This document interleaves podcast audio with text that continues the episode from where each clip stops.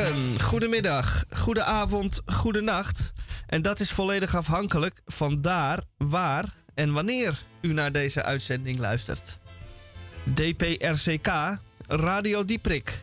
34e jaargang, aflevering 1748 van vrijdag 7 april. Het is de 90ste dag van het jaar en het is bovenal ook Goede Vrijdag. Uitzending van 2 tot 4 uur. In Groot Amsterdam en elders. Wat hebben wij vandaag in deze twee uur voor u op het programma? Nou, een hele hoop. En beginnende met uh, de heer rechts van mij, Tamon J. van Blokland, heeft weer de Groene Amsterdammer bij zich. En Tamon, goedemiddag. Hey, ja, over Goede, goede Vrijdag gesproken. Is deze dag niet een herinnering aan een, uh, een vreselijke week? Ik bedoel, dat het Goede Vrijdag uh, heet. Dat vraag je je ook af. Hè? Het is een dag van, van ellende, marteling, dood en verderven. Dan noemen we dat Goede Vrijdag. Nou goed, daar gaan we straks over hebben met ons gast in het tweede uur. Um, zal, uh, dat was nou ook niet de bedoeling dat we dat, dat we dat dan gaan afzeiken. Nee, nee, dat, nee, dat gaan we zeker niet doen. Nee, ik vind alleen maar een vreemde controverse in de benaming van deze dag. Uh, een dag van ernst en van uh, ah, overweging, zo, ja. zoiets dergelijks. En dan uh, dat Goede Vrijdag noemen. Enfin, de Groene Amsterdammer, de, niet de Goede, maar de Groene Amsterdammer... gaat over een, aantal zorgelijke zaken. Ehm, de commercialisering in de zorg schijnen miljarden te verdienen zijn met het zorgen voor uw, uh, voor uw lichtdemente ouders. Er zijn miljarden te verdienen op allerlei gebied. Uh, leest u dat uit, zeer uitgebreide artikel graag in de Groene Amsterdammer van deze week. Dat is werkelijk schokkend. Nog schokkender, of ook schokkend, is het gesjoemel met vastgoed. En elke keer komen daar weer die notarissen en wat is het nou met die notarissen? Die notarissen krijgen het voor elkaar om enerzijds een belang te hebben bij het laten passeren van al die eh, vastgoedtransacties met deze uiterst dubieuze figuren, omdat ze ook weer, um, gek genoeg, um, daar ook weer um, belangen hebben in, in, in de zin van, van vermogenswinsten die ze dan, ja, hoe dat allemaal zit en hoe zo'n notaris is verworden tot een soort rutselaar, regelaar met de wet in zijn hand. Um, uh, een schandaal, werkelijk. Kijk daar, lees dat in de Groene Amsterdammer. Een uitgebreid verhaal, net zoals dat verhaal over die zorg. Dan uh, het is een redelijk onbegrijpelijk verhaal over uh, de verwording van woke. Ja, daar kunnen we het lang en breed over hebben. Maar ook deze schrijver, schrijfster, weet niet goed te duiden wat woke dan is en waarom het dan verworden is, maar wat was en wat het zou worden, moeten worden en wat de tegenstand is die het uh, woord uh, aan uh, van alles en allerlei partijen um, ondervindt. Wel, leest u dat ook in de Groene Amsterdammer. Ja, en dan is Beatrice Witsma overleden. Dat is toch wel verdomde aardig. Het stuk dat erover staat. ja, uh, je dat er nog even gauw achteraan zegt. Maar het is wel een aardig stuk. Ik bedoel, een stuk. Ik bedoel, uh, jammer, dat ze, jammer dat ze overleden. Jullie beginnen alweer keihard te lachen. Maar ik vind dat gewoon zo. Nee, maar het was um, hoe je het zei. Oh, een intonatie was... Uh... Oh, vandaar. Ja, maar dat geeft ja. niks. Hmm. Fijn. Uh, dan, een gek, uh, gek woord doet zich voor. En, uh, en dat is een beetje, dat is een beetje Radio Dieperik. Want wat is het nou? Er komt er zomaar een kromwoord. Je zit hier mee te luisteren bij de groene daar. Ja. Apocalypsofie. Wow. Oh. Ja, apocalypsofie. Dat is een kromwoord. Nou, dat is zeker een kromwoord. En dat doet mij denken aan een uh, uh, historisch kromwoord. Ja. Uit het verleden ja. hadden we ooit apocalypstic. Ja, nou, het is bijna hetzelfde. Bijna hetzelfde. Dit, dit, dit, dit gaat natuurlijk over de filosofie van, uh, van de apocalyps, althans het apocalyptisch denken. Um, de gedachte, de, de, de, de leer daarvan. Lisa Doel, uh, uh, mevrouw Doeland, de schrijfster, is zelf filosoof. Uh, maar is het niet een mooi woord, apocalypsofie? Heeft ze zelf het woord verzonnen ook? Ja, dat denk ik wel, want ze gebruikt het in haar boek. En, en de groene, groene gebruikt het ook met graagte. Dus uh, we dat zullen het er wel cool. over hebben. En je eigen, woord, uh, je eigen woord uh, verzinnen en dan gewoon ja, dat, ja, ja, ja, ja, ja, ja. Een hele stroming omheen verzinnen, apocalypsofie. Het, het, het, het, het, je kan het zelfs goed uitspreken, zeg niet te geloven. Dat is allemaal voor de groene straks. Mooi. En dan hebben wij verder ook nog een uitzending in de uitzending, een DCVM van mijn hand. Um, die gaat u van mij te horen krijgen. En we hebben hier ook nog Rosa Klamer. Ja, hallo. hallo, goedemiddag. Goedemiddag. Ik heb een hele leuke gast vandaag uh, geregeld. Zeker. Voor bij ons. Om dus over Pasen te hebben. En dat is dominee Henk Leegte. En uh, hij is predikant van de doopsgezinde gemeente in Amsterdam. En uh, we willen graag achterkomen wat Pasen voor hem is. Ja. En we gaan het hebben over. er bestaat zoiets als een paasgedachte. Ja. ja. En, en ik ben ook wel benieuwd. Hij heeft wat nummers aan mij laten weten die hij wil draaien. Maar ik ben eigenlijk achterkomen wat nou echt zijn guilty pleasure is. Ja. Mooi. Daar gaan we voor muziek uh, tweede uur zeker uh, achterkomen. Doopgezinde gemeente, zei jij? Ja. Of doopsgezind? Want dat is een subtiel verschil, gaan we straks over.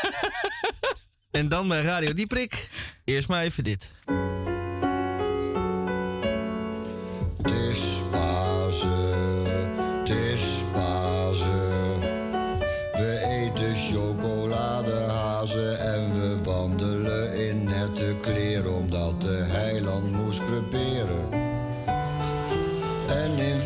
Krot of fletje eet men eitjes uit een netje van suikerwerk of chocola, want Jezus stierf op Golgotha.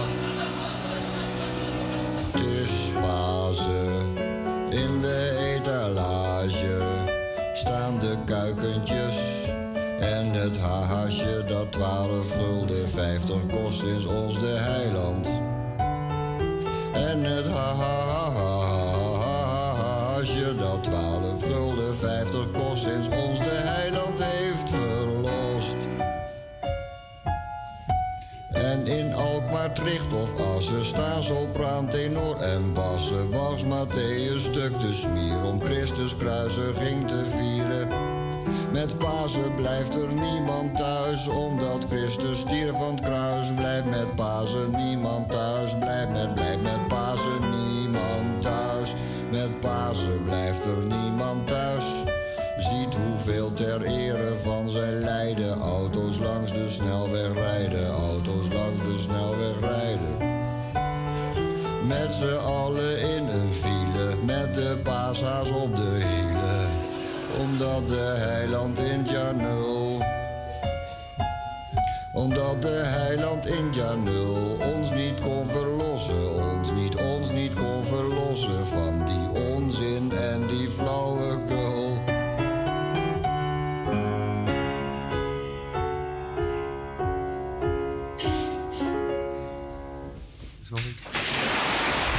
Hans Dorrestein met zijn uh, paaslied. En nou zat ik enkele maanden geleden in het concertgebouw te luisteren naar een Hongaar die piano speelde.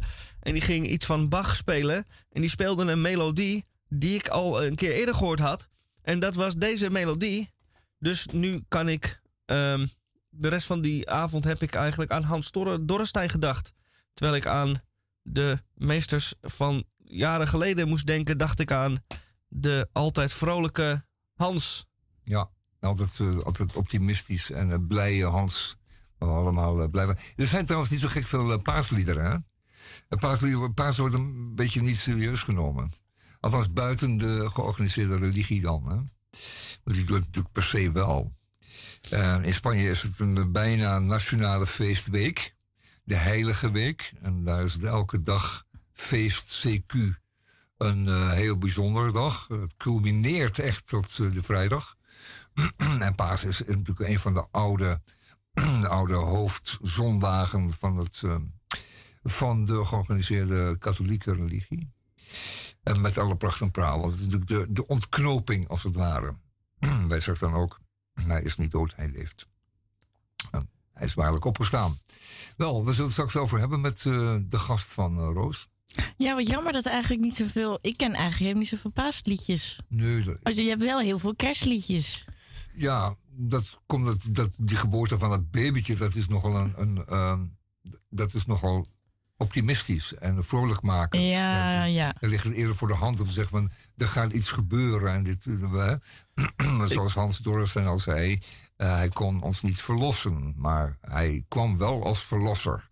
Terwijl Pasen is natuurlijk een hele mm, betrekkelijk tragische gebeurtenis, die weliswaar redelijk goed afloopt met de ten hemelopneming, of het, de verrijzenis zou je kunnen zeggen. Maar in feite is het een gruwelijk verhaal. Over een opstandeling, een religieuze opstandeling. Die, ja, maar ik bedoel meer van je hebt heel veel kerstliedjes wat ook niet gaat over het geloof erachter. Oh, en, en, en waar zijn alle commerciële paasliedjes? Ik ken er eentje, nou is dat geen uh, mega-hit, maar van Jimmy uh, Wakely. De Egg Parade, of de Easter Egg Parade. Dat is wel een, uh, dat is dus ook niet religieus, maar dat richt zich dan op de eieren. Oh, dat wil ik heel graag horen. Kunnen we straks wel even, of nu meteen wel even naar gaan luisteren?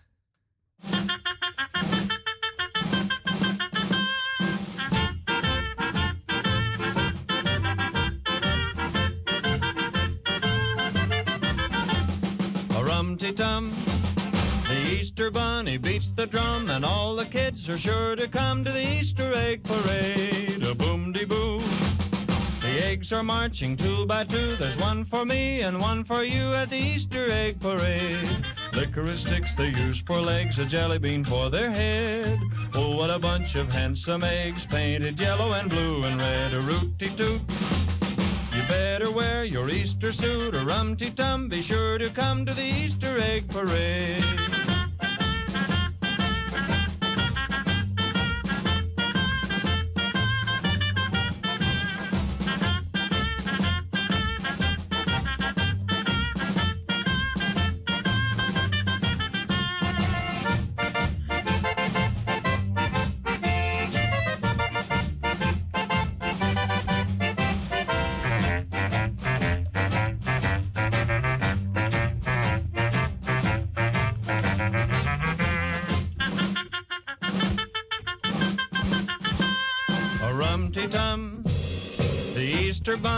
Beats the drum, and all the kids are sure to come to the Easter egg parade. A boom de boo.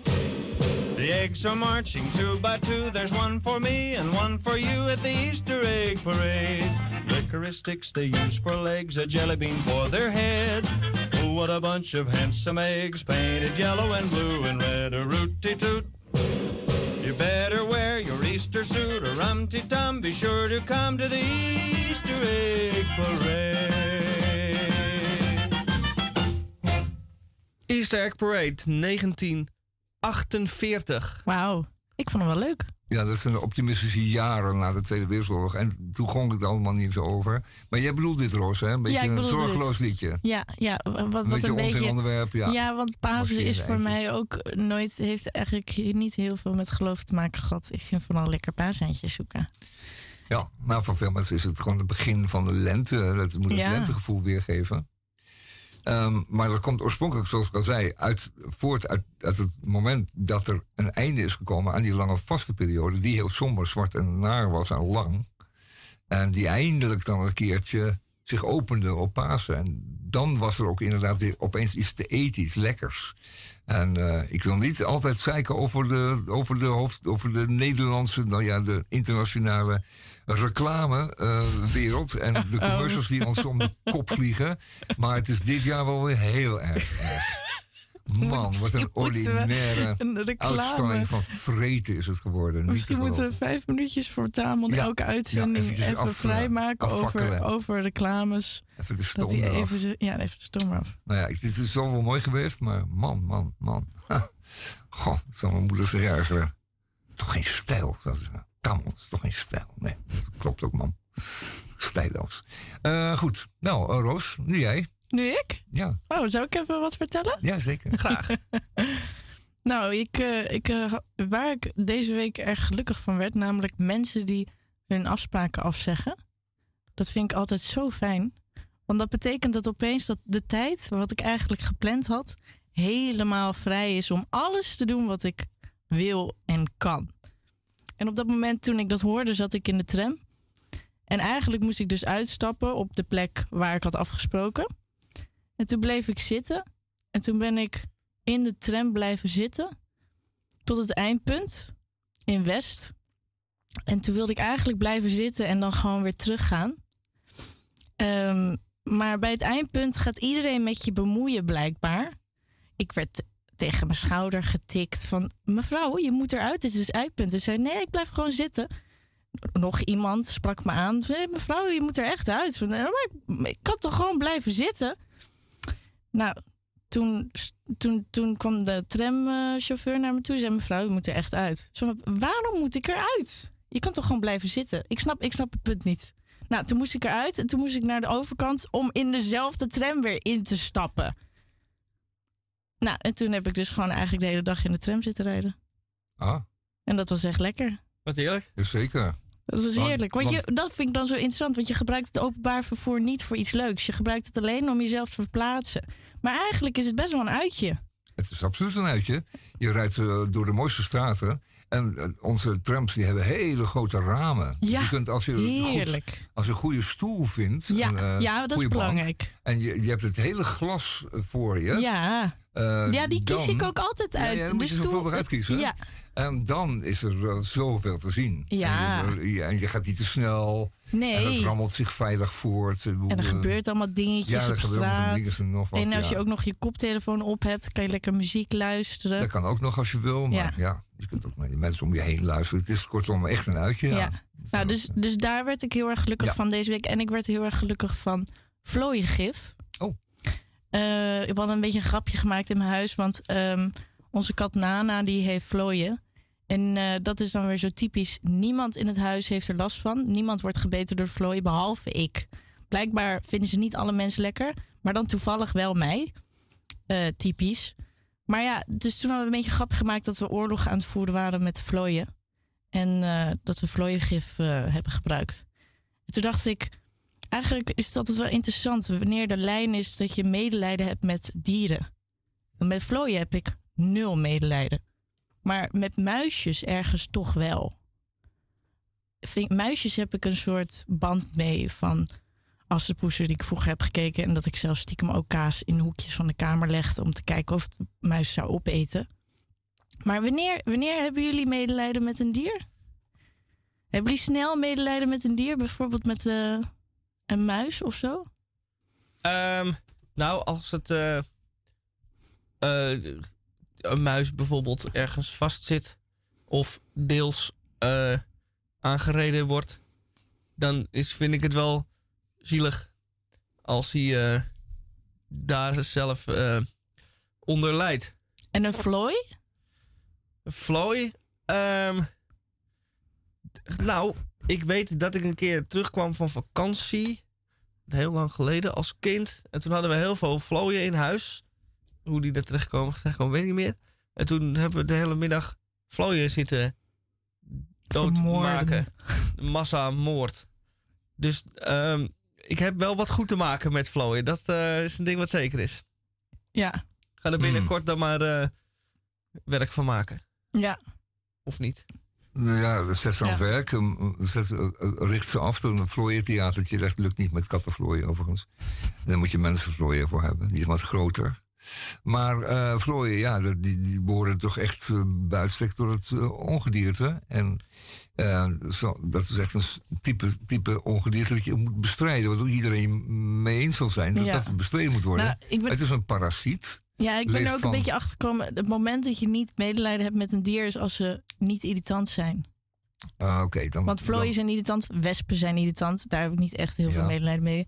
Bijen kunnen irritant zijn, maar bijen heb je dan toch wel liefde voor, omdat je weet hoe belangrijk ze voor de wereld zijn. Muggen, ook geen medelijden mee. Maar ja, de mate, ik denk dat je een grafiekje zou kunnen maken met de mate hoe irritant het beest is, hoe, hoe, meer hoe minder medelijden je met het dier heeft. Oké, okay, dat kunnen we uitgebreid over hebben, want ja, ja nee, het, het zijn natuurlijk zo... insecten en die dienen natuurlijk altijd ergens voor. Hè. Ze dienen als weet ik veel, voer weer voor andere dieren. En dat is allemaal zo bedoeld door onze lieve heer. Want die heeft gedacht van nou, de een moet de ander opeten. Anders uh, krijg ik niet, dit, dit bouwwerk niet voor elkaar. Uh, van het dierlijk leven. Dus uh, er, moet ook, er moet ook beet zijn, er moet ook voer zijn. Oké, okay, een waterflow. Dat is, een, dat is wel typisch iets wat, wat je weer aan je vis voert. Um, een kattenflow, de parasiet, leeft op, van het bloed van het dier. is, uh, verspreidt ziekten, is de ziektedrager, virusdrager. Mm, hebben we een liedje over het Floyd Theater? Dat is wel, hè? dat zeker. Ja, zeker zijn er liedjes over het Floyd Theater. Maar goed, uh, ja, daar heb je hem al. Hopla. Ons Floyd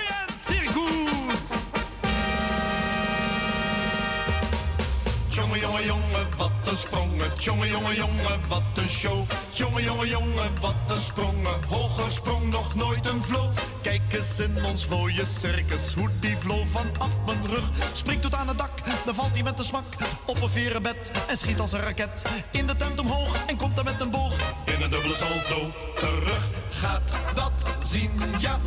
Boerenburgers buitenlui. Gaat dat zien, ja. Het is kolossaal. Een vlo heeft wel eens een dolle bui. En dan springt hij zomaar in de zaal.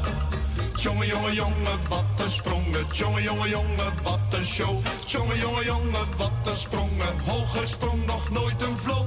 Iedereen in ons mooie circus denkt er zit er eentje op mijn rug. Ze springen in het rond, stappen op de grond, krabben op hun kuit en slaan hun kleren uit. Maar er komt de flow voor zijn tweede show. In een dubbele salto terug. Hoog keert het publikum und jetzt ein zeer speciale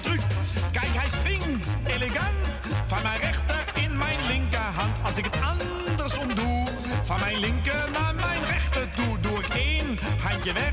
Ja, dan blijft hij slimmer zitten, zeg. En dan gaat hij alweer op en neer, heen en weer. En dan nog eens een keer, oh, hij haalt het niet meer. Ja, wie doet hem dat nou? Ja, wie doet hem dat nou? Driemaal in de ronde, voilà. Jongen, jongen, jongen, wat een sprongen. Jongen, jongen, jongen, wat een show. Jongen, jongen, jongen, wat een sprongen. Hoge sprong, nog nooit een flow. Kijk eens in ons vlooie circus. Hoe zo'n flow, daar vliegt ons vlug. Klautert in een touw, tot boven in het gebouw. En daar heel volleerd, het zwaantje demonstreert. En de huppikee, zuist hij naar beneden. In een dubbele salto, terug. Hoog keert het publikum, oder jetzt ein zeer, zeer speciale truc. Kijk, hij springt, elegant. Van mijn ene is van gewicht. Gaat met alle vijf zijn ogen dicht. En dan nu, tot besluit, springt hij niet meer voor, maar achteruit. Kijk, daar gaat hij alweer. Op en neer, heen en weer. En dan nog eens een keer. Oh, hij haalt het niet meer. Ja, wie doet hem dat nou? Wie doet hem dat nou? Driemaal in de ronde, voilà. Jongen, jongen, jongen, wat een sprongen. Jongen, jongen, jongen, wat een show. Jongen, jongen, jongen, wat een sprongen. Hoger sprong nog nooit een vlo. In ons vlooie circus. Hoe zo'n vlo en vlug. Als een acrobaat naar het nokkie gaat. Het is voor u misschien wat moeilijk te zien. Kijk hem nou eens gaan, die is naar de maan. Die zien we nooit meer terug. Man. Nou ja, u heeft een. Uh, ja, u heeft een bekend. Het blijft een leuk liedje. Um, de Florian Circus was inderdaad wel eens te zien bij kermissen. En uh, hoe, handig was dat? Want je kon natuurlijk als uitbater van één Florian Circus het gehele circus in één doos, klein doosje meenemen. En het was ook inderdaad zo dat die vlooien, met je natuurlijk een draadje op hun rug plakt. Dus inderdaad te uh, te dresseren waren tot het trekken van een heel klein koetsje.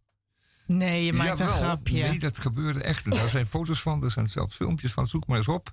En er bestonden echt vlooiencircus met gedresseerde vlooien. Wat? Ja, hoe ze dat deden. En, en er was ook nog een punt.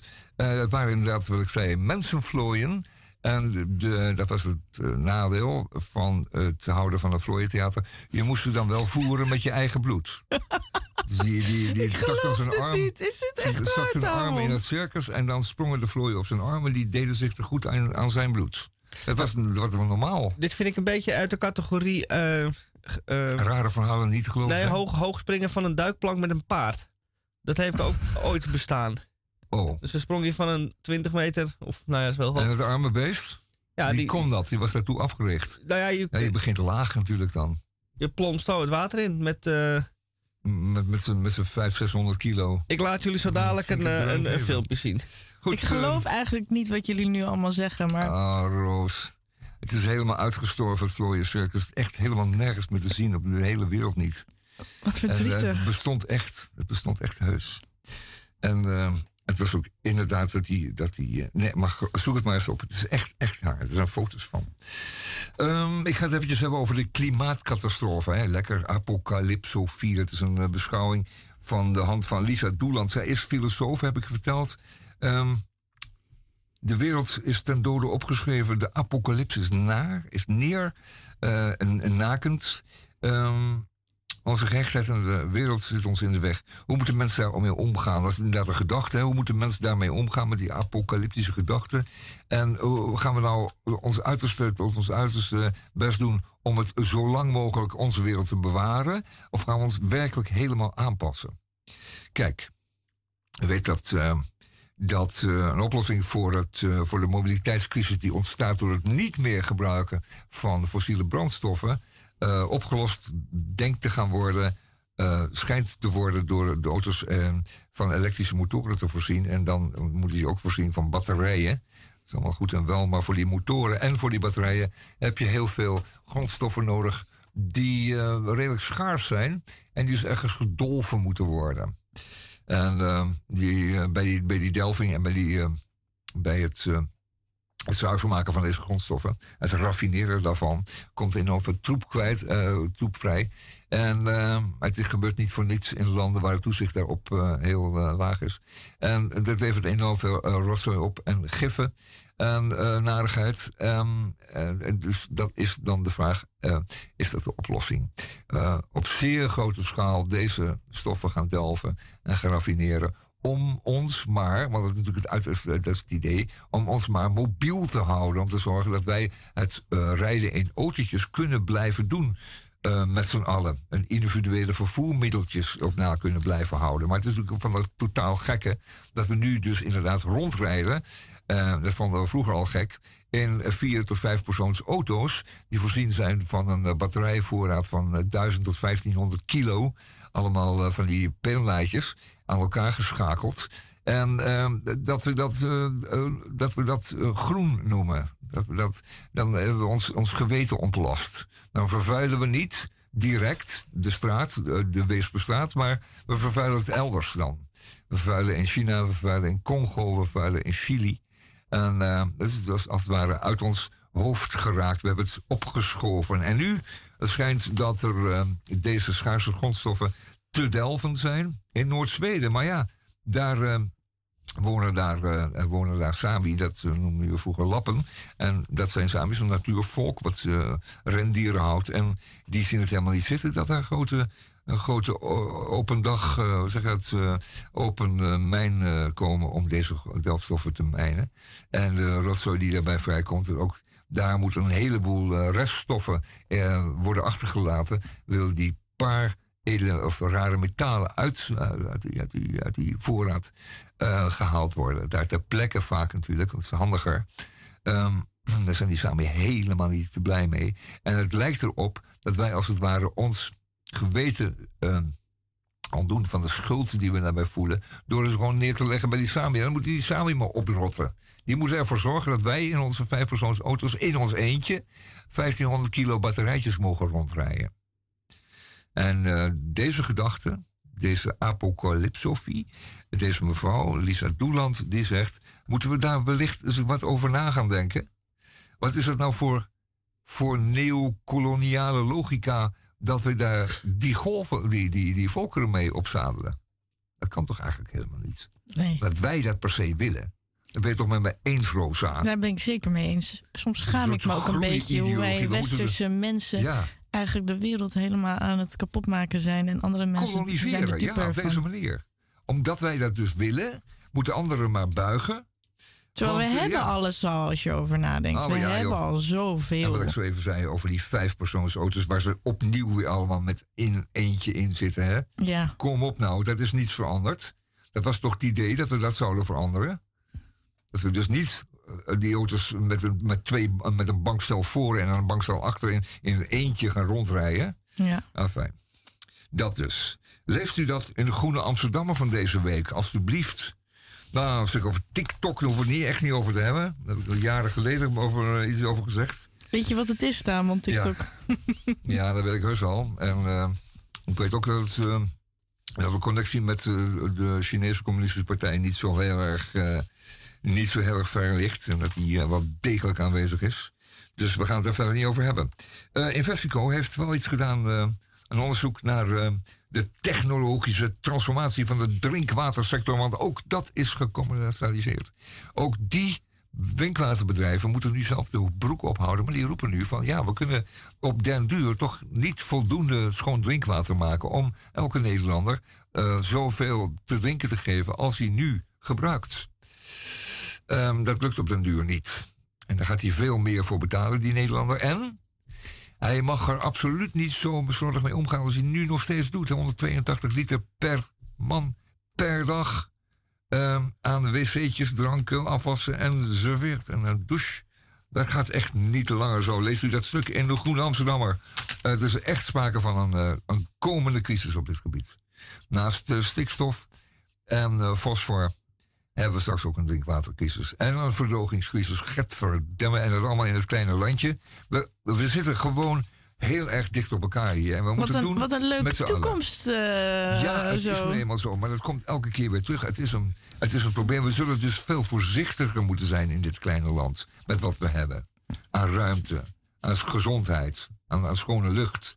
Dan dat we nu zijn. We zijn er te slordig mee geweest. Ja. We gaan dus nu opnieuw, nogmaals, Tesla's rijden, van vijf persoons Tesla's rijden. En daar 1500 kilo aan batterijen in doen. En dan zeggen dat je geweten daarmee ontlast is. Ja? Terwijl de elektriciteit die dat ding s'nachts opslorpt, dus afkomstig is van, uh, ja, van, uh, van uh, weet ik veel. Hè? Niet, van de, niet van de zon en niet van wind. Dat is er s'nachts niet. Nou fijn. Dan is het natuurlijk over platteland en over de stad. Nou, leest u het zelf. Leest u het zelf. Dan uh, verdienmodellen in de commerciële zorg. Nog even een klein stukje daarover.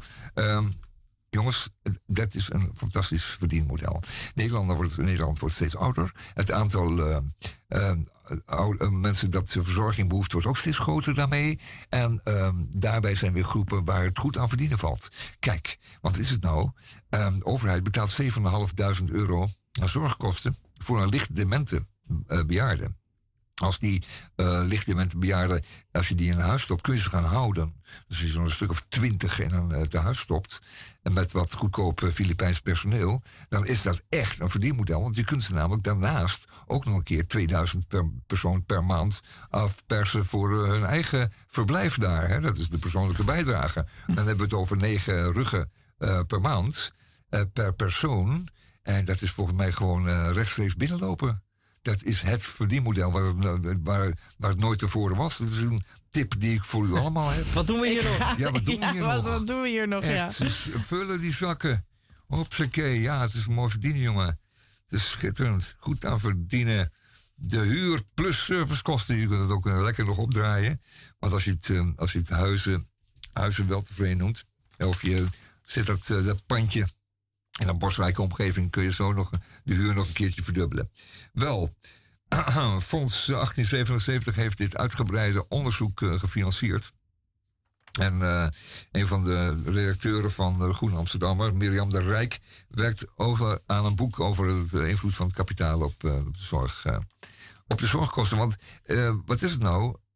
de zorgkosten lopen maar op. Dat is een grote zorg van de Nederlandse overheid is dat de zorgkosten maar oplopen. En hier, uh, Mirjam de Rijk toont hier in dit artikel aan dat er ongelooflijk veel weglekt. Er lekt, er lekt ongelooflijk veel weg naar investeringsbedrijven die massaal um, hoe heet het, standaardspraktijken opkopen, huisartspraktijken opkopen, die aan elkaar koppelen. En die dan met efficiëntiemaatregelen ervoor zorgen dat de patiënt op afstand geholpen zullen worden door een, uh, een AI-gestuurd antwoordapparaatje. Ja? Zo ben je er natuurlijk ook vanaf. Oh, dat wordt niet zo leuk. Nee, dat wordt ook niet zo leuk, nee. Ik word nu al helemaal... oppassen. Leest u dat ook in de Groene Amsterdam van deze week? Ik hou nog op, anders wordt het zo zagrijnig. Maar het is al vrij. Ja, het is een goede vrijdag. Ik ben erg chagrijnig geworden. Door ja, dat moeten we niet. Dat is echt niet de bedoeling van Radio Dieper. Ik stopt ook maar. maar koopt u dan maar gewoon de Groene Amsterdam van deze week. Even iets vrolijks. Ja, Easter bells are ringing. Ding dong ding. April has her holiday. For his Easter Sunday morning. And Easter never looked so gay. Lovely ladies wearing new chapeaus, promenading with their bows. For his Easter Sunday morning, spring is dressed in her best clothes. Children wide awake since break of dawn, rolling painted eggs around the lawn. Neighbors on their way to church who call Happy Easter to all. Listen to my heart go ding dong ding like the Easter bells above. For is Easter Sunday morning, and I'm home with the ones I love.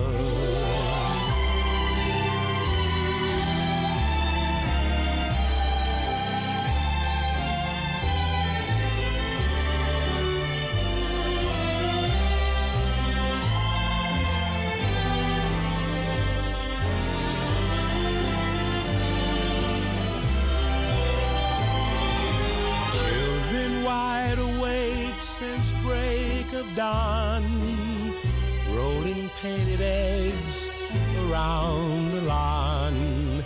Neighbors on their way to church who call Happy Easter to all. Listen to my heart go ding dong ding like the Easter bells above. For is Easter Sunday morning, and I'm home with the ones I love.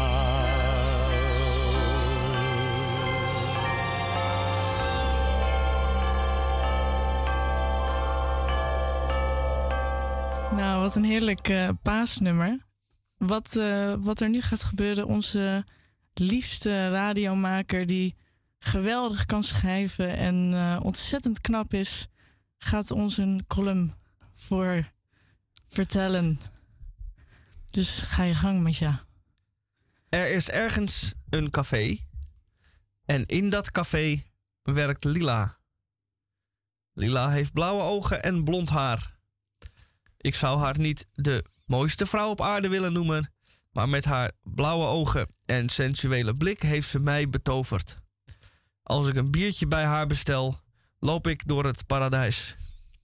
De zwoele blik en de nonchalante manier waarop zij alsjeblieft zegt, laten mij in katzwijm achter, terwijl zij drankjes op het terras serveert. Als ze weer terug is, vraag ik of ze hier al lang werkt. Lila geeft antwoord, maar wat ze precies zegt, gezegd heeft, ben ik alweer vergeten. Als ze mij aankijkt, zwem ik in een bad van verlangen en genoegen en onder water kun je geen geluid horen. Omdat, het gesprek, omdat ik het gesprek niet dood wil laten vallen, zeg ik gauw dat ik hier om de hoek werk en daarom hier wel eens kom. Dat is niet helemaal waar natuurlijk. Ik kom hier alleen omdat zij hier werkt. Eigenlijk zou ik dat moeten zeggen. Lila, ik kom voor jou en jouw zweem van spetterende fantastischheid. Maar dat zeg ik niet. Al was het maar omdat zij weer drankjes aan het rondbrengen is. Ik ben thuis. Ik probeer te slapen, maar dat lukt niet. Want ik denk aan Lila, het bloemetjestruitje dat ze aan had. Haar heupen, die. En, en per, ongeluk, per ongeluk perfecte haardracht. In mijn hoofd hoor ik haar alsjeblieft en dankjewel zeggen. Wel honderd keer. Ik ben ervan overtuigd dat zij mij ook wel ziet zitten. Althans, dat maak ik mijzelf wijs. Die blik heeft zij speciaal voor mij bewaard. En zo sensueel als zij haar sigaret rookt, doet ze natuurlijk alleen om mij te intrigeren. En dat is haar gelukt. Ik ga weer naar Lila toe. Met mijn allerlaatste geld. Precies genoeg om nog één keer alsjeblieft van haar te horen. Ik kom binnen en Lila is tegen iemand anders aan het praten. Met diezelfde zwoele blik. Ook hij krijgt een biertje en een sensuele alsjeblieft. Ik ben hevig ondaan. Ik dacht dat ik de enige was. Wie is hij? Gelukkig loopt hij met zijn biertje weg. En nu heb ik Lila weer voor mijzelf. Ik probeer deze keer zelf ook een zwoele blik op te zetten. Eén biertje, zeg ik op mijn mooist. Met alle gratie en soepelheid die Lila in zich heeft, tapt ze mijn biertje. Ze zet het voor mij neer, kijkt me doordringend aan en zegt: Alsjeblieft. Ik val flauw en ben tijdelijk buiten werking. Daar moet ik even van bijkomen. Als ik weer terug op aarde ben, is er een vrouw met een klein hondje naast mij komen staan. Ze bestelt een rode wijn. Lila pakt een fles wijn uit de kast, schenkt in en geeft het glas aan de vrouw. Met misschien nog wel meer passie dan ooit zegt ze: Alsjeblieft. De vrouw wil direct aflekenen. Lila hoeft niet na te denken en zegt 3 euro. Ik val bijna weer van mijn krukkie. Maar waarom doet ze dat bij haar? Beteken ik dan niks voor je? Of is dit gewoon puur professioneel? Of is dit gewoon voor de oefening om je gracieusheid op peil te houden? Of is het misschien omdat ik meekijk? Ik heb het er moeilijk mee, maar ik geef nog niet op. Als ik vraag of ik mag afrekenen, kijkt ze mij aan, wacht ze even en zegt ze 2,60 euro. Met al mijn mannelijkheid die ik in mij heb, geef ik haar 3 euro en zeg ik: Het is goed zo. Alsof het mij niks doet, pak ik mijn jas en loop ik nonchalant weg. Als ik bijna weg ben, zeg ik: Doei. Lila kijkt over haar schouder en zegt op uitdagende wijze: Tot ziens. Ze lacht kort, wat haar gezicht nog mooier maakt dan dat hij al was. Dat deed ze speciaal voor mij, dat weet ik gewoon. Ik fiets langs het café en zie Lila zo aantrekkelijk zoals zij dat alleen kan een sigaret roken terwijl ze op professionele toon tegen een binnenlopende klant zegt: Ik kom zo bij u.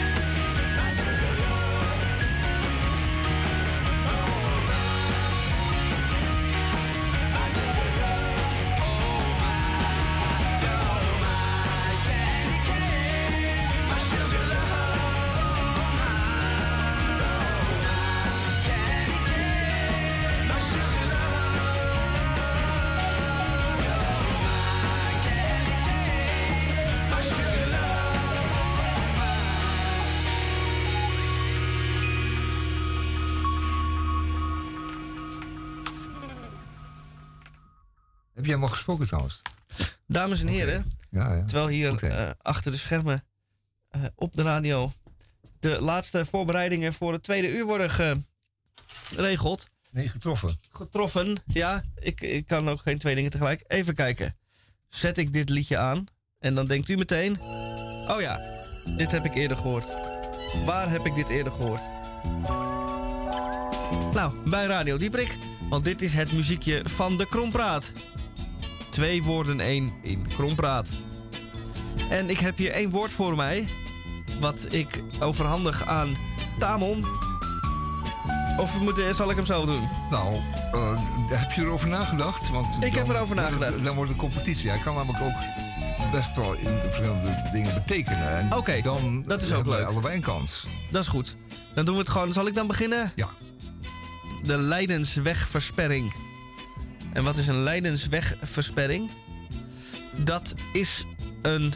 Uh, wanneer u ergens naartoe gaat, op de fiets of uh, uh, de voet, maar vooral op de fiets of met de auto zult u dat meemaken dat u, nou bijvoorbeeld in Amsterdam, voortdurend een wegversperring tegenkomt.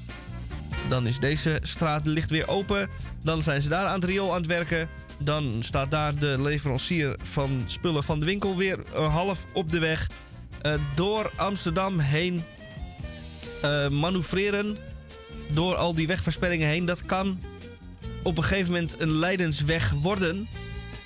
Want ja, als het dan ook nog regent en je bent al twee keer omgereden en je zit daar met je fiets en dan is, kom je de hoek om en dan staat de volgende vrachtwagen weer midden op de weg. Uh, dan is het een leidensweg waar uh, de Messias nog een puntje aan kan zuigen. Ja. Of overdrijf ik nu een beetje? Ja, je overdrijft lichtjes. Uh, maar ik begrijp het, het is een uh, leidersweg soms, dat verkeer. Uh, zelfs, zelfs voor fietsers. Ik hoop dat het beter wordt en het zal ook beter worden. Maar het is voorlopig eventjes goed mis, want ik hoorde iedereen over mopperen. Dat het een moeizame weg is door de stad. Maar of het nou een leidensweg is, weet ik niet. Wel voor automobilisten, denk ik. En dat verdienen ze ook niet anders, want ze zitten zotte in een eentje in een Tesla. Hè? Onder bovenop 1500 kilo aan de penlights. Uh, je zal wel met je mee moeten voeren. Goed, hé. Uh, leiderswegversperring. Nou, dat kan niet anders dan een, uh, dan een religieus-politieke betekenis hebben. Het woord. En het heeft eigenlijk alles te maken met, met de Tempelberg in Jeruzalem. Want dat is een berg die een grote controverse is tussen de verschillende bevolkingsgroepen die daar jaarlijks hun en uh, religieuze feesten willen vieren, gebeurtenissen willen bijwonen. En die zijn altijd reden voor ruzie en, en handgemeen. En dat duurt al heel lang. U weet dat de Krimoorlog daar in feite begonnen is. In zo rond de, de, de, jaren 40 van de eervorige eeuw, 1843. Die jaren. Um, daar was een ruzie tussen de verschillende orthodoxe groepen die uh, gebruik wilden maken ten tijde van Pasen van de, van de, de verschillende heilige plaatsen daar. Daar wilden ze missen opdragen of andere uitingen doen. En um, daar zaten ze elkaar behoorlijk in de weg en dat werd met stokken en stenen en vuisten beslecht. Um, toen al, zou ik zeggen. En dat is uh, niet anders nu. Waarbij uh, toch elke keer de zaak op de Tempelberg wordt aangegrepen om maar eens flink rotsen te trappen. En die arme Israëlische militairen moeten er dan weer traangas tussen gooien, waardoor ze dan over de hele wereld weer uitgescholden worden als een soortje racistische bezetters. Nou fijn, het is een ellende en het zal nog wel even voortduren. Ik zou zeggen, het is een lijdensweg. Um, dat zal het ook wel blijven. Um, voorlopig is dat in ieder geval niet opgelost mijn antwoord op deze vraag. Dat is een mooi antwoord. Ik. Uh... We zijn aan het einde gekomen van het eerste jaar. Uh, het eerste jaar, ik, het eerste uurtje. We zijn weer die prik van deze week. Vrijdagmiddag tussen 2 en 4. En voordat we afsluiten, afsluiten met Elvis, Elvis, doen we nog even een uh, korte. een korte scènetje. Ja, goed.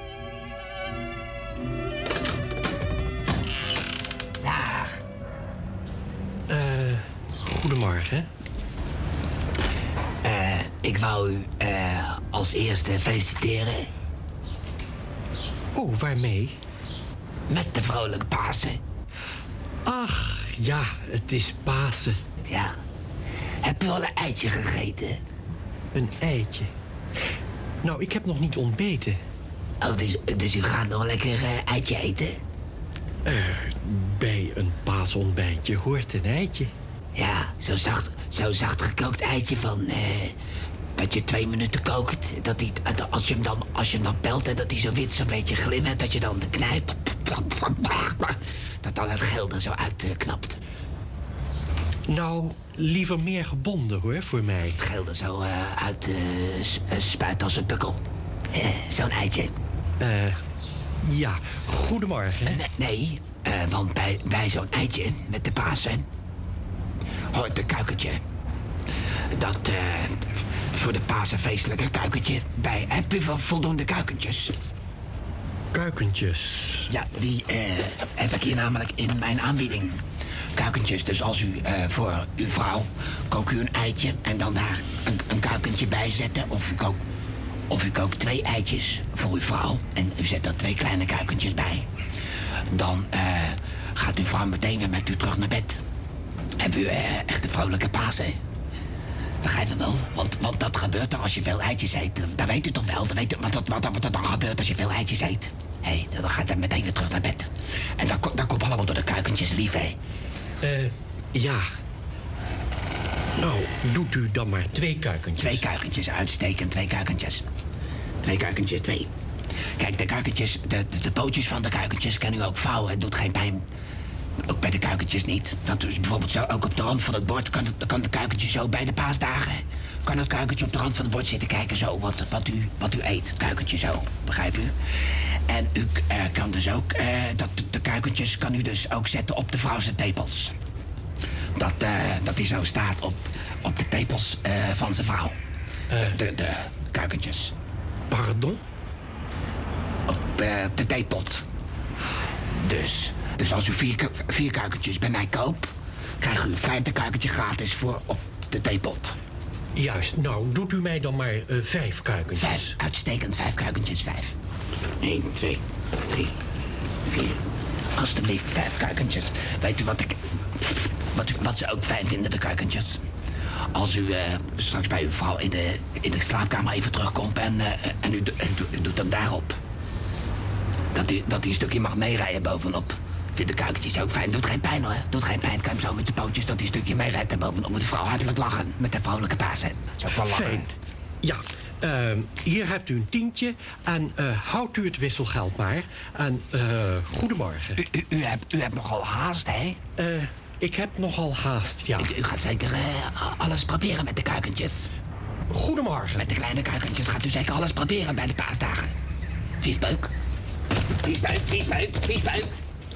Zo'n grote vent met vijf van de kleine kuikentjes. Hé, hey, ga, die, ga die proberen waar die ze allemaal in kan stoppen. En op kan steken.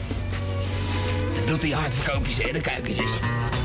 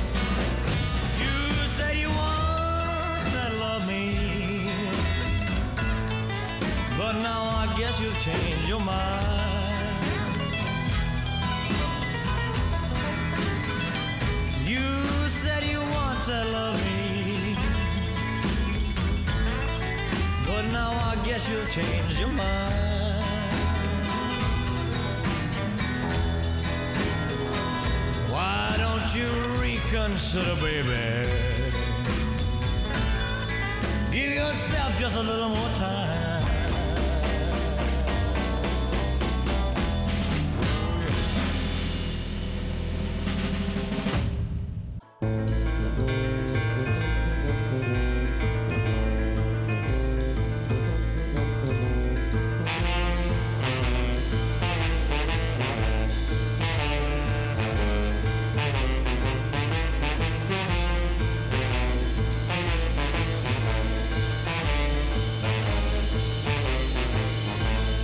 Goedemorgen, goedemiddag, goedenavond, goedenacht.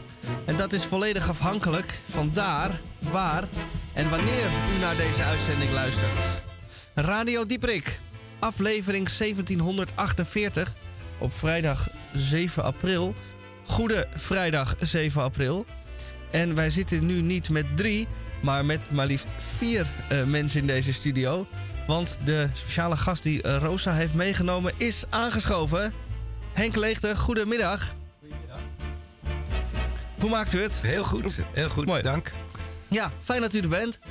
En wij gaan uh, in deze uitzending het een en ander uh, over Pasen en alles daaromheen uh, bespreken. Heel goed. Ja. We hebben zo even al een gesprek met Henk. Henk heeft natuurlijk een bepaalde professie. Die zal straks zelf voor ons even duiden. Eh, maar we hebben het over gehad over het verdwijnend besef wat Pasen eigenlijk is. En uh, ja, Henk heeft daar natuurlijk ook zijn gedachten over vanuit zijn werk maar, en overtuiging. maar we vonden het toch wel weer extra stuitend dit jaar dat er werkelijk helemaal geen enkel besef meer lijkt te zijn. Behalve een anekdotisch verhaal over dat men in Duitsland van staatswegen niet mag dansen op Goede Vrijdag. En dat gaat dan bij iedereen het ene oor en het andere oor uit. Maar men beseft ook helemaal niet waarom het eventueel zou kunnen zijn. Geen idee, die gekke Duitsers, Goede Vrijdag, waarom? Uh, waarom is het überhaupt een vrije dag geworden? Dat is ook zo raar. Was het dat ooit wel en was het ooit niet? Maar goed, eh, alle zaken die we straks met uh, Henk nog zullen bespreken. En Henk is van, die, die, weet, die weet ervan. Dat ga die straks even uitleggen. ga je gang, Roos. Wat moet ik uitleggen? Nou, je moet het dan Henk vragen wat, wat hij, wie hij is. en wat zijn vak is. Ja, en waarom hij hier is. En waarom vandaag. Henk, wil je dat vertellen? Ja, ik, moest, ik zat nog even te denken. Ik geloof zelfs dat, uh, dat er niet alleen niet gedanst mag worden in sommige delen van Duitsland. Beieren natuurlijk. Ja, maar dat natuurlijk. er ook, het katholieke Beieren. Precies. Dat er ook lijsten zijn met honderden films die op Goede Vrijdag niet uh, worden vertoond op de televisie. Wat voor films dan? Ja, ik weet niet. Het zal wel iedere film waar enige Jolijt en opwinding. Ja, de frivole films. Ja. ja, dus dan kom je al gauw op een lange lijst. het zal om, om ernstige, ingetogen films. Die, mogen, die, die zijn geschikt voor deze dag. Films met een, met een, met een serieuze gedachte. Precies. Nou ja, dat, die leiden tot inzicht en aandacht. Nou, dat is ook, ook wel eens goed, hè? Nou ja, zou dat, zeg maar, dat, zou, dat zou ik wel zeggen. En uh, nogmaals, uh, Roos, ga je gang. Ja, ja, ja Henk, vertel, wat, wat doe je? Misschien is dat wel fijn ja, te weten. Ja, dat helpt dan misschien. Um, nee, ik ben ben, uh, ik ben dominee, dus uh, predikant, dominee, um, in de doopsgezinde gemeente van Amsterdam. In de Singelkerk. In de Singelkerk, precies. Ja. Tegenover de UB, zeg maar. En naast de grote katholieke Krijtbergkerk, met die twee torens op het Singel. Daar, als je daarvoor staat met je gezicht daar naartoe, dan is daar links van zie je een aantal huizen, Amsterdamse grachtenhuizen. En daarachter verstopt zit sinds 1608 de doopsgezinde gemeente van Amsterdam. En wanneer ben jij daarbij gekomen? Al lang geleden, in 2000. Oh ja. En uh, ik ben wel benieuwd, je hebt best wel een drukke week. Ja. Uh, in nou, zo'n week. Ja, ja. Toch? Wat gebeurt er dan allemaal in zo'n week? Ik ben wel benieuwd. Nou, ja, het is een gek. Het is altijd. Um, eigenlijk kan je zeggen dat in de christelijke traditie is Pasen eigenlijk het grootste feest. Groter de, dan kerst? Veel groter, veel groter. Kijk, um, kerst viert de geboorte van Jezus. Maar geboren zijn we allemaal, hè? dus dat is. Uh, Dat is, dat is een heel groot feest, iedere geboorte. Maar dat is ook weer niet zo bijzonder. Ehm, ook al kan je ook zeggen dat Jezus geboren is, is natuurlijk wel bijzonder. Dus daarom hebben ze daar een feest van gemaakt. En dat hebben ze trouwens in de kerkgeschiedenis heel slim gedaan. Precies in de tijd dat in Europa de zonnewende ongeveer plaatsvindt. Hè? 21 december, dan wordt het weer langer licht. Nou zeiden ze, moeten we rond die tijd moeten we het Christuskind geboren laten worden, omdat dat het licht van de wereld is. Dus als de tijd, de, de, de zon weer gaat schijnen, het langer licht blijft, dan vier je dat er licht en dan met een soort hoofdletter licht in de wereld is gekomen in de persoon van Jezus van Nazareth. Nou, die Jezus van Nazareth die leidt een leven. En um, um, dat doet hij op zo'n danige manier dat de mensen zeggen: Nou, deze man in zijn tijd en context, deze man die is, dat is de Messias. Dat is degene, de Messias betekent verlosser. Dat is degene die eigenlijk de mensen terugbrengt bij waar ze moeten zijn. Die brengt mensen tot zichzelf, brengt ze dichter bij wat we God noemen, bij het geheim van het leven. En brengt ze dichter bij andere mensen en hij, hij leeft het voor als het ware. En ze zeiden, nou als je die man ziet, is het alsof je, alsof je God zelf ziet. En als iemand erg op iemand lijkt, dan zeg je nou sprekend zijn vader. Dus dan moet hij wel zijn zoon zijn. Nou, en in de gedachte daarover is dat zo geworden. En dan gaat het verhaal dat hij um, Jezus door zijn manier van optreden, dus volgelingen, mensen achter zich aan kreeg. Die zeiden, nou dit is hem. Maar ook enorme weerstand opriep. Uh, hij riep echt het allerslechtste en het allerbeste in mensen wakker. En die weerstand kwam vooral van de, van de hoge heren. Want het is ook nog eens in een patriarchale samenleving. Dus de, de, de bisschoppen en de priesters en de schriftgeleerden en de fariseeën. Die zeiden deze man is bedreiging. En die, um, die schopt alle heilige huisjes omver. En die, uh, het, het, hoort toch zo. En hij zegt dit. En hij doet allemaal dingen die niet mogen. Want het geloof in zijn tijd was nogal verstart tot het volgen van specifieke regeltjes. En um, uh, uiteindelijk brengen ze hem dan om. Nou, dat is, het, is, het loopt eigenlijk vrij slecht af met Jezus. Dus uh, hij gaat dan op een goede dag naar Jeruzalem. En dat hebben we gevierd afgelopen zondag, Palmzondag. En dan uh, staat de massa, die, die roept hem naartoe. Ja, daar is hij, daar is hij. En ehm, diezelfde massa, want zo is de massa, die brult een paar dagen later: kruisigen, maak hem dood. Dus het volk is grillig. En um, dan loopt het slecht met hem af. Dan wordt hij op Goede Vrijdag vandaag, en zelfs drie uur, dat is het nu. Hè? Nou, wat toevallig. Ja, zijn er veel kerken in. Um, ja, veel kerken in Nederland, vooral uh, meer liturgisch ingestelde kerken, die dus meer op de viering zijn ingesteld, die hebben nu, as we speak, uh, sterfuur. Dus die zitten nu bij elkaar in de kerk te denken over ja, die, die moordpartij op die onschuldige man. Want daar gaat het eigenlijk om. Het is een rechtvaardige, onschuldige man die niet te min wordt omgebracht. Zoals dat wel eens vaker gebeurt. En wat, wat doen ze in dat uur? Stil zijn, mediteren, denken over het lijden en sterven van Jezus. En over het lijden en sterven van zichzelf. En van mensen van wie ze houden. En van mensen overal op de wereld die opkomen, net als Jezus. Of misschien net als zij zelf voor mensen in nood of in moeilijkheden. En die daaronder lijden. En vervolgens komt het als een boemerang bij hen terug. Want dan is de vraag: wat doe je daar dan zelf mee in je eigen leven? Dus ze proberen er inspiratie uit te halen, troost uit te vinden en, en daarbij te verwijlen. Daarbij stil te staan, een beetje over na te denken. En dat doe je dan met muziek, met teksten, dat soort dingen. En um, dat is Goede Vrijdag. Maar en, um, dat is dag één, Goede Vrijdag. Dan hebben we Stille Zaterdag, dat is morgen. En dan is het Pasen. En dan is het waanzinnige verhaal dat die man die dus doodging op Goede Vrijdag en dood was in afgelopen, dat die dan gezien wordt door zijn leerlingen. dat hij dan verschijnt. En dan zeggen ze tegen elkaar: De Heer is opgewekt, zeggen ze dan. Dus hij is niet dood, hij leeft. Dat kan niet, hè? want als je dood bent, ben je dood.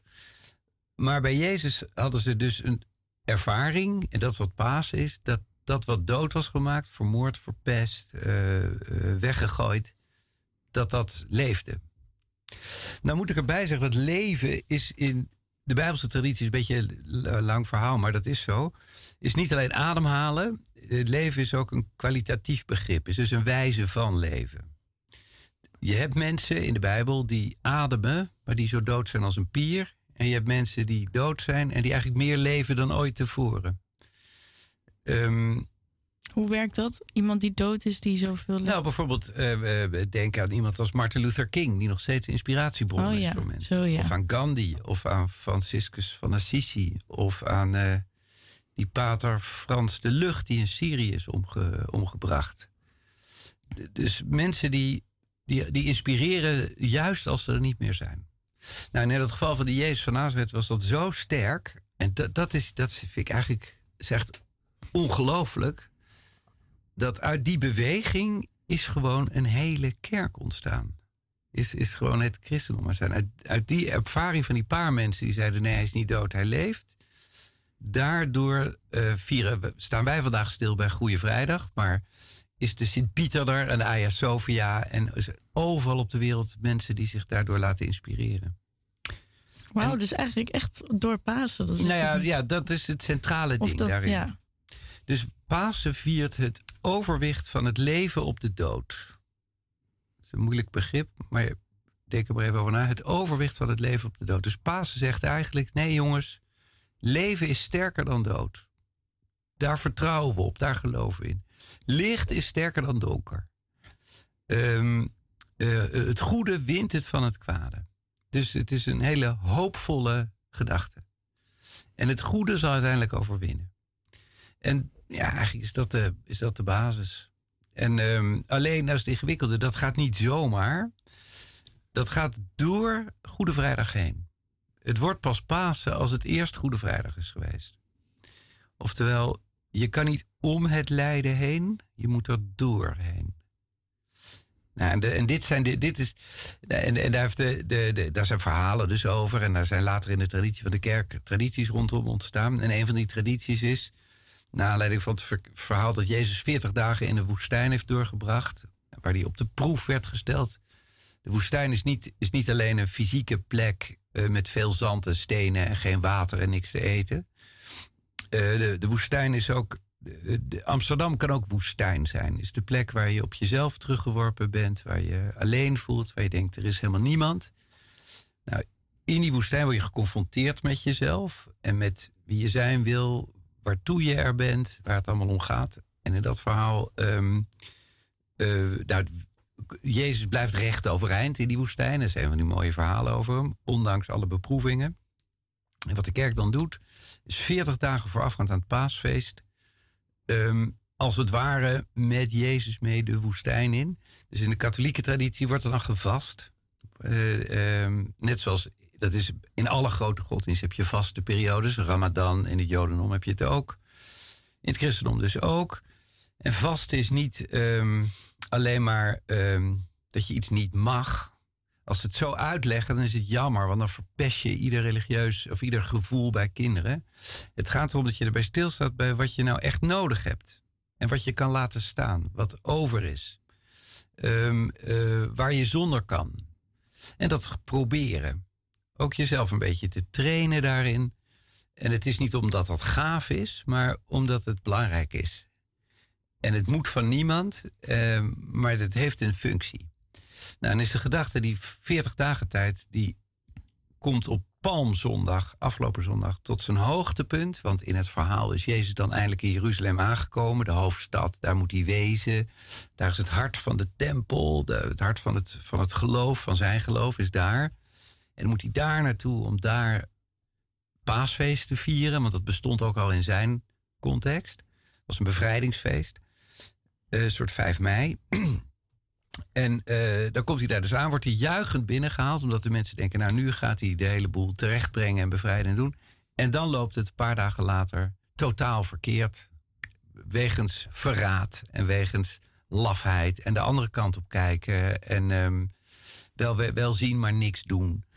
Nou, al die dingen die wij allemaal kennen als mensen, omdat we zelf voortdurend zo leven. Dus, dus iedereen is eigenlijk als het ware medeschuldig daaraan. En dan denk je, ja, het loopt dus slecht af. Maar vervolgens, alsof je een wit papier hebt waar je een streep op zet. Het, dat is het beslissende, dat is Pasen. Mooi. Je hebt uh, een nummer uitgekozen. Laten we die uh, gaan draaien.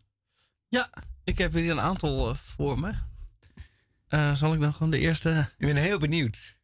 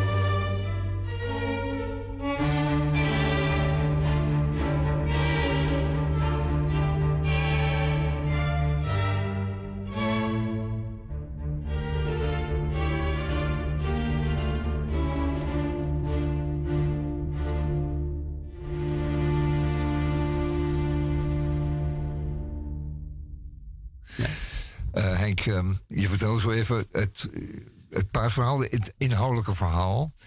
Um, je vertelde ook dat, um, dat zich ook die, die periode van vasten veel religies voorkomt.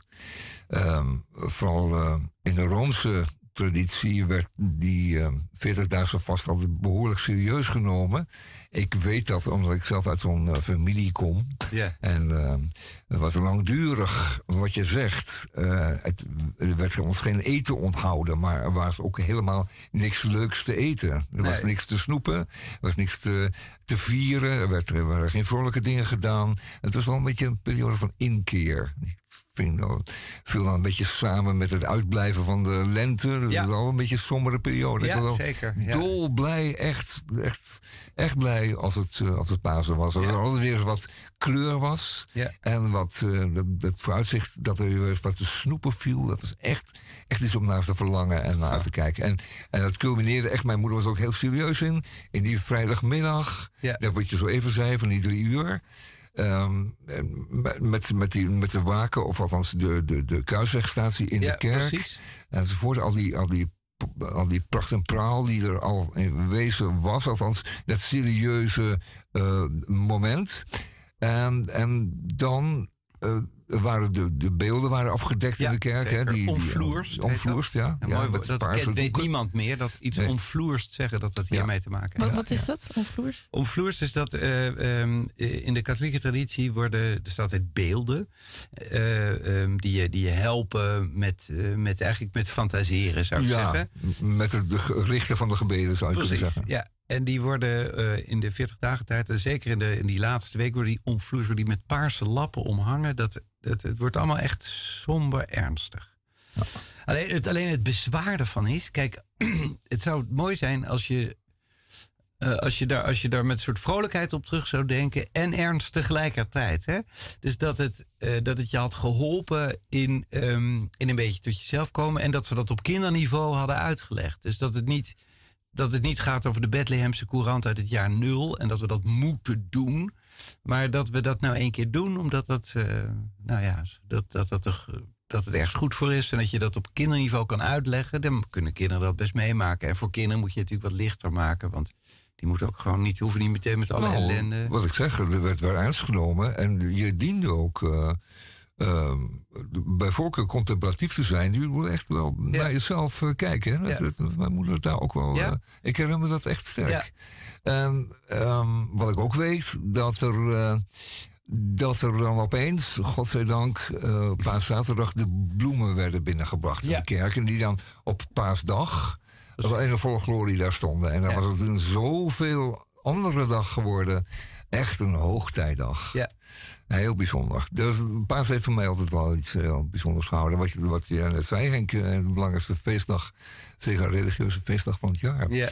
Um, en in hoeverre, was mijn vraag eigenlijk, um, verschilt um, dat in jouw kerk van de, van de wat, uh, laten we zeggen, Ja. exuberantere Roomse tradities? Ja, nou... ehm, Jullie hebben geen beelden tenslotte. Nee, precies. Dus eh, ehm, ehm, ja, we, we, leven in 2023 en alle kerken zijn gemarginaliseerd. eh, eh, hoewel, hoewel die verhaaltraditie, en vooral een heleboel de ethiek en allerlei dingen natuurlijk enorm verbonden zijn met onze westerse cultuur. Eh, dus we zijn allemaal erg naar elkaar toegegroeid. Dat, dat moet ik zeggen. Maar die doopsgezinde is weer een beetje verhaal apart. Die zijn begonnen in de Reformatie, dus 1500. Echt lang geleden. En in Amsterdam was het zelfs de eerste reformatie. Dus de reformatie in Amsterdam begon als een doperse reformatie.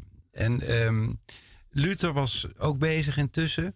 Eh, Die wilde de leer, de christelijke leer reformeren, opnieuw doordenken. En ook de kerk, het instituut reformeren en doordenken. Eh, Calvijn heeft gewonnen in Nederland, zeg maar. Die wilde de leer vooral doordenken. Was een jurist uit van de Sorbonne, een hele geleerde man. En die heeft die hele traditie opnieuw doordacht. En eh, reformeerde ook de kerk. Die dopers die waren iets eerder dan Calvijn, ten tijde van Luther. En die zeiden, nou Luther heeft wel gelijk met die leer. Maar dat is tot daar aan toe. We gaan de, de, je moet niet alleen de leer reformeren, maar ook het leven. Ze zeiden, als je leven niks te maken heeft met de leer, je kan het wel allemaal weten hoe het zit. Maar als je er dan niet naar leeft, waar slaat het dan op? En daar waren ze vrij principieel in, vrij radicaal. Eh, er staat bijvoorbeeld in de Bijbel dat je niet andere mensen moet doodmaken. Dat deden ze dan ook niet. Er staat nergens in de Bijbel dat je kinderen moet dopen. Dat deden ze dan ook niet. Ze zeiden dopen heeft te maken met geloven, vertrouwen. Maar dan met het geloof, vertrouwen van de dopeling zelf. En dat kan een, moet volwassen iemand zijn, die moet weten waar het over gaat. En die gedachte van uh, kindjes hun zieltjes redden, van, dat, dat zeiden ze, nee, dat is allemaal zo laat in de traditie bedacht. Dat gooien we eruit, houden het alleen bij de Bijbel zelf. En daardoor uh, lijkt uh, onze kerk ook op een soort synagoge. Want als je erg teruggaat naar het begin, kom je al gauw, kom je al gauw daaruit. Dus zij wilden de, het leven verbinden met de leer. Um, en dat in sterke mate. Nou wilden de katholieken dat ook wel, maar die hadden dat altijd in, in het institutionele verband gedaan. Dus je hebt in de katholieke traditie zeven sacramenten, zeven vinkjes, zeg maar. En die kun je halen en dan zit je goed. De doopszinnen zeiden nee, het gaat niet om die kerkelijke vinkjes. Het gaat erom of je iets doet voor je buurman of voor iemand in nood of, of, of voor de stad of dat soort dingen.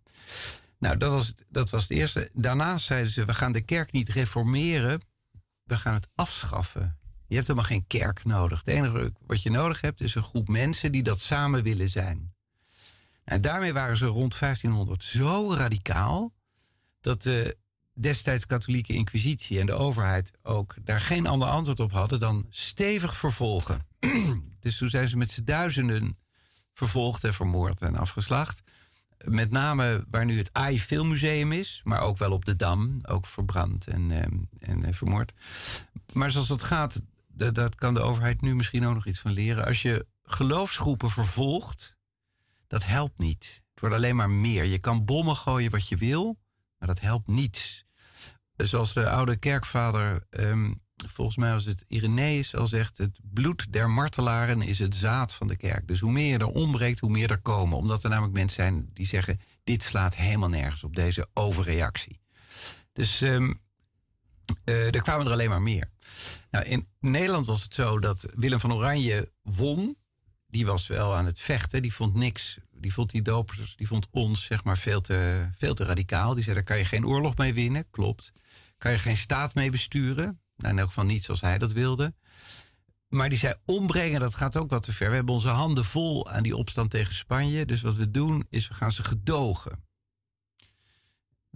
Dat heel oeroud Hollands principe is dat. Gedogen. Oogluikend toestaan door de vingers. Dus het mag er niet zijn, maar het mag er wel zijn. Verder mochten ze niet in overheidsdienst. Uiteraard. Wilden ze ook niet. Ze mochten niet in het leger. Uiteraard. Wilden ze ook niet. Ze mochten niet in de gilde. Dus wat bleef over? De vrije beroepen. En boeren. Maar in, in, in, in Nederland kan je niet zo heel veel boeren, want het is nat, zompig en je zit. Uh, dus weinig land ook. Dus um, het werden ondernemers.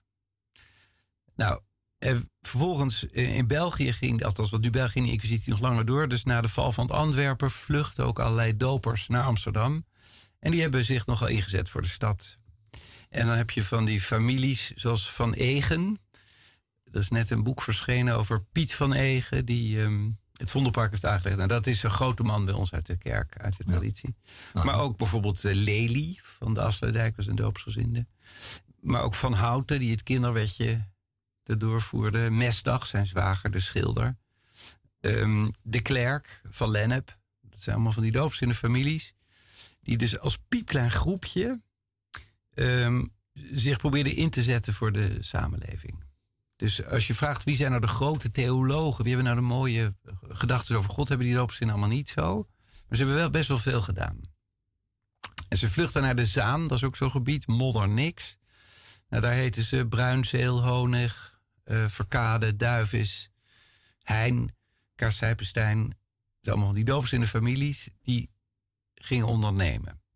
Overigens heb je dan wel meteen een probleem. Want als je um, wil proberen te leven in de stijl van Jezus, wat met enige soberheid te, gepaard hoort te gaan. Want in de Reformatietijd werden ze wel wereldlijke Franciscanen genoemd.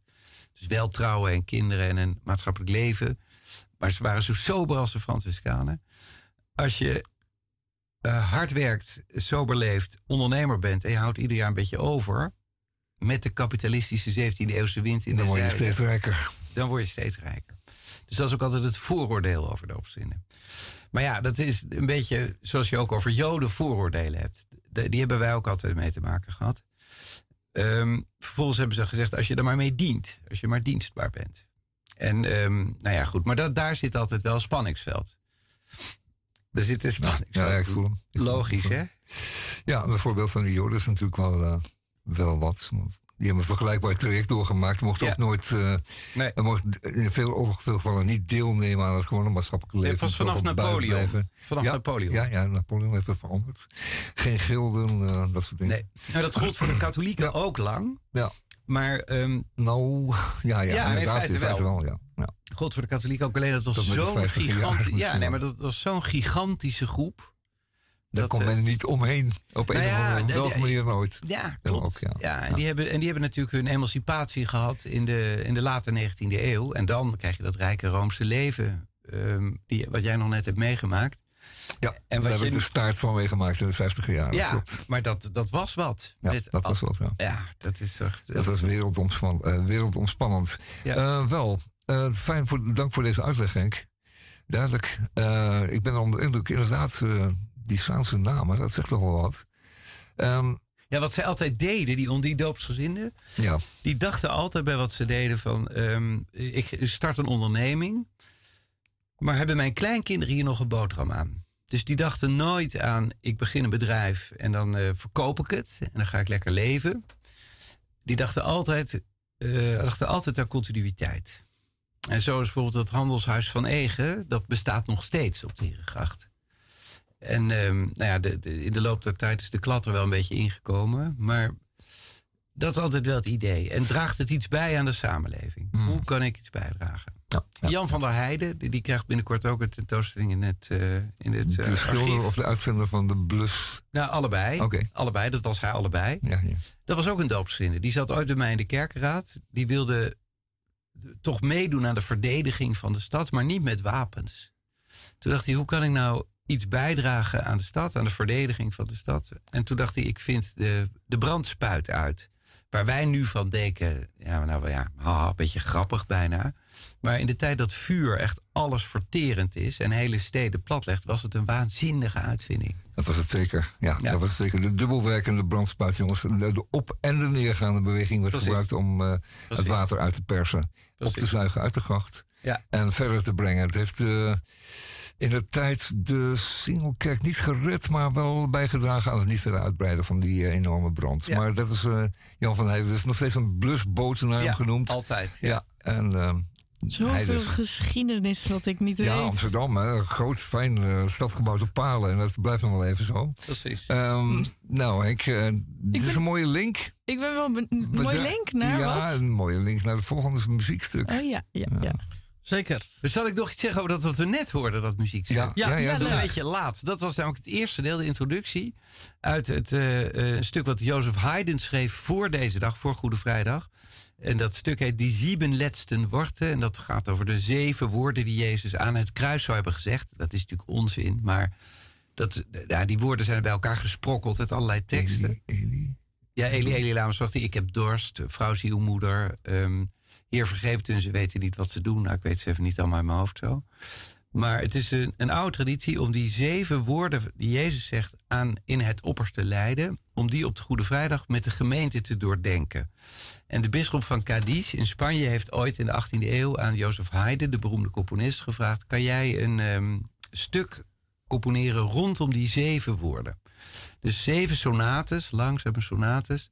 Dan lees ik eerst zo'n kruiswoord, doe daar een preek bij. Dan gaan we muziek luisteren, nummer 2, nummer 3, nummer 4, tot en met nummer 7.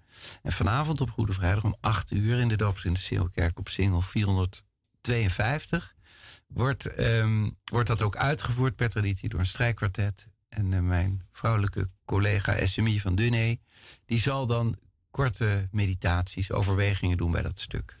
En dit was het eerste deel wat we hoorden. Zo zul je het vanavond ook horen. Oké, dankjewel. Nou, goeie. Um, acht uur vanavond. Ja. Aan het singel. Ik moet even zoeken naar die kerk. Er Nee, je moet even zoeken. Goed- nee, klopt. Goed Maar je kunt er niet aan voorbij, want er staat wel een bord buiten. Dus Ja, ja, ja. ja. Zult- wat u eh, zoekt, zult u vinden. Precies. Om acht uur vanavond.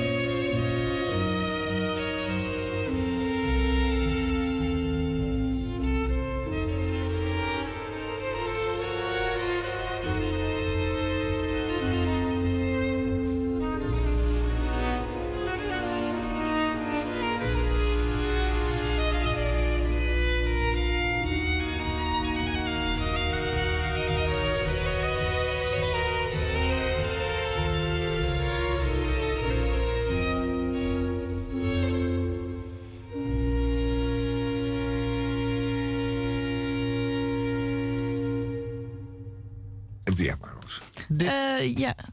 Wil je nog wat vertellen over dit stuk trouwens? Ja, ja dit, is, dit is uit de Matthäus Passion. Dat is ook zo'n stuk wat, uh, wat, wat deze dagen gespeeld wordt. Dat heeft Johann Sebastian Bach gecomponeerd naar een van die Bijbelverhalen over Jezus, over Jezus namelijk Matthäus geheten. En um, in die Matthäus Passion volg je als het ware die lijdensweek van Palmzondag tot, uh, tot Goede Vrijdag, inderdaad, niet Pasen. En, um, Waarom niet Pasen? Ja, dat, was, dat is een apart feest. Het is echt een okay. césuur tussen Goede Vrijdag, dood, niks, en dan paf in één keer Pasen. En um, nou, in, als je dat verhaal van, van Jezus als het ware volgt in de Matthäus, dat is nog steeds super populair in Nederland. En waarom is dat? Ja, The Passion is een soort hippe variant daarvan in Harlingen, zullen we maar zeggen. Um, uh, hij kwam dit jaar aan in Harlingen. Um, maar, maar, maar, wat ik, ik moet aan Sinterklaas wel grappig ja, in de krant. Ja, mag ook best. Ja. Uh, um, maar je volgt dus dat verhaal van Jezus. En intussen heb je daar dan. Dus Bijbelverhaal wordt voorgelezen, gezongen. En dan heb je koren en en aria's, zangers, die daarop reflecteren en mediteren. En dat is onwijs mooie muziek. Dit, is er eentje, dit was er eentje wat we net hoorden. Die gaat echt uh, door merg en pijp, uh, mijn oma zeggen, door merg en been. En um, um, de, je ziet dus het verhaal van dat verraad. En de onontkoombaarheid van het, van het, van het lot, als het ware. Dus enerzijds is het een onontkoombaar lot wat Jezus volgt. Is het gewoon ja, vette pech. En anderzijds is het, is het allemaal door lafheid en slechtigheid. Ja, en angst wordt hier ook getoond, hè? Ja, ja. heel duidelijk. Ja, het Wat je net ook zei, hè, van de, de goede groep zich gedraagt. Ja. Die, die palmzondag ja. uh, de, met het Christus toewaaien, wapperen met zwaaien met palmtakken.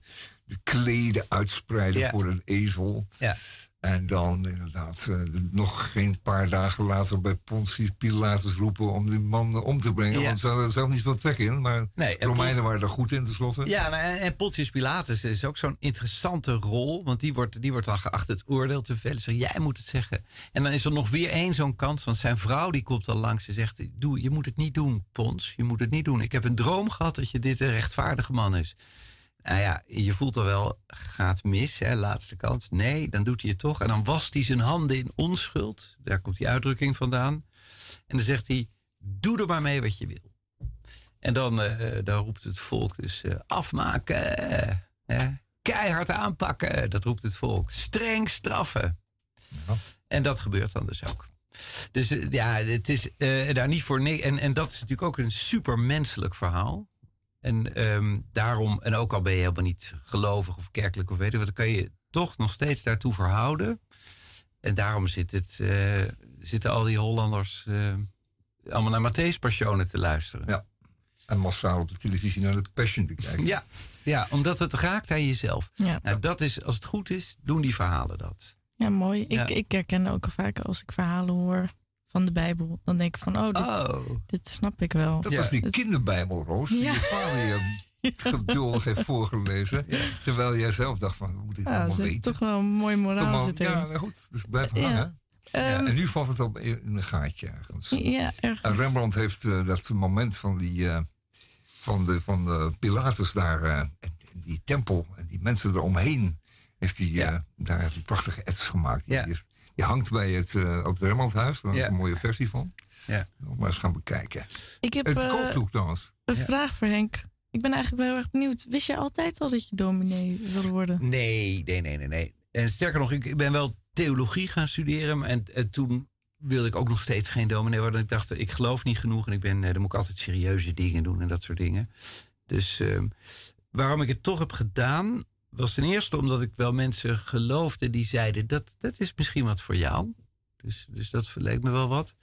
En ten tweede, um, uh, omdat ik zat uit op openbare scholen, doopsgezinnen sturen kinderen eigenlijk naar openbare scholen. Vanuit de gedachte dat, zoals mijn vader zei, katholieke wiskunde bestaat niet. Heeft hij wel een punt. En katholieke geschiedenis klopt niet heeft hij ook een punt. En dat geldt ook voor het protestantisme. Dus hij zei, je hebt in de wereld met iedereen te maken. Wij zijn een piepkleine minderheid. Dus je moet met alle gezinten, alle mensen, alle groepen kunnen omgaan. Samen onderwijs. En dat is een staatszaak. vonden ze. Dus dat is een beetje een oude liberale opvatting. Maar goed, dus ik zat op, op openbare scholen, nooit op christelijke scholen gezeten.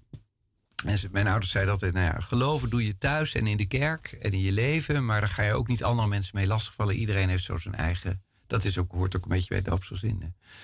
Maar um, op die middelbare school met name, daar kreeg je mee uh, in de jaren tachtig, dat is alweer een poosje geleden, dat het alles in het leven ging om macht en geld, om economie en politiek. Dat werd eigenlijk gezegd. Dat zijn de bepalende factoren. Alles is materie en spullen.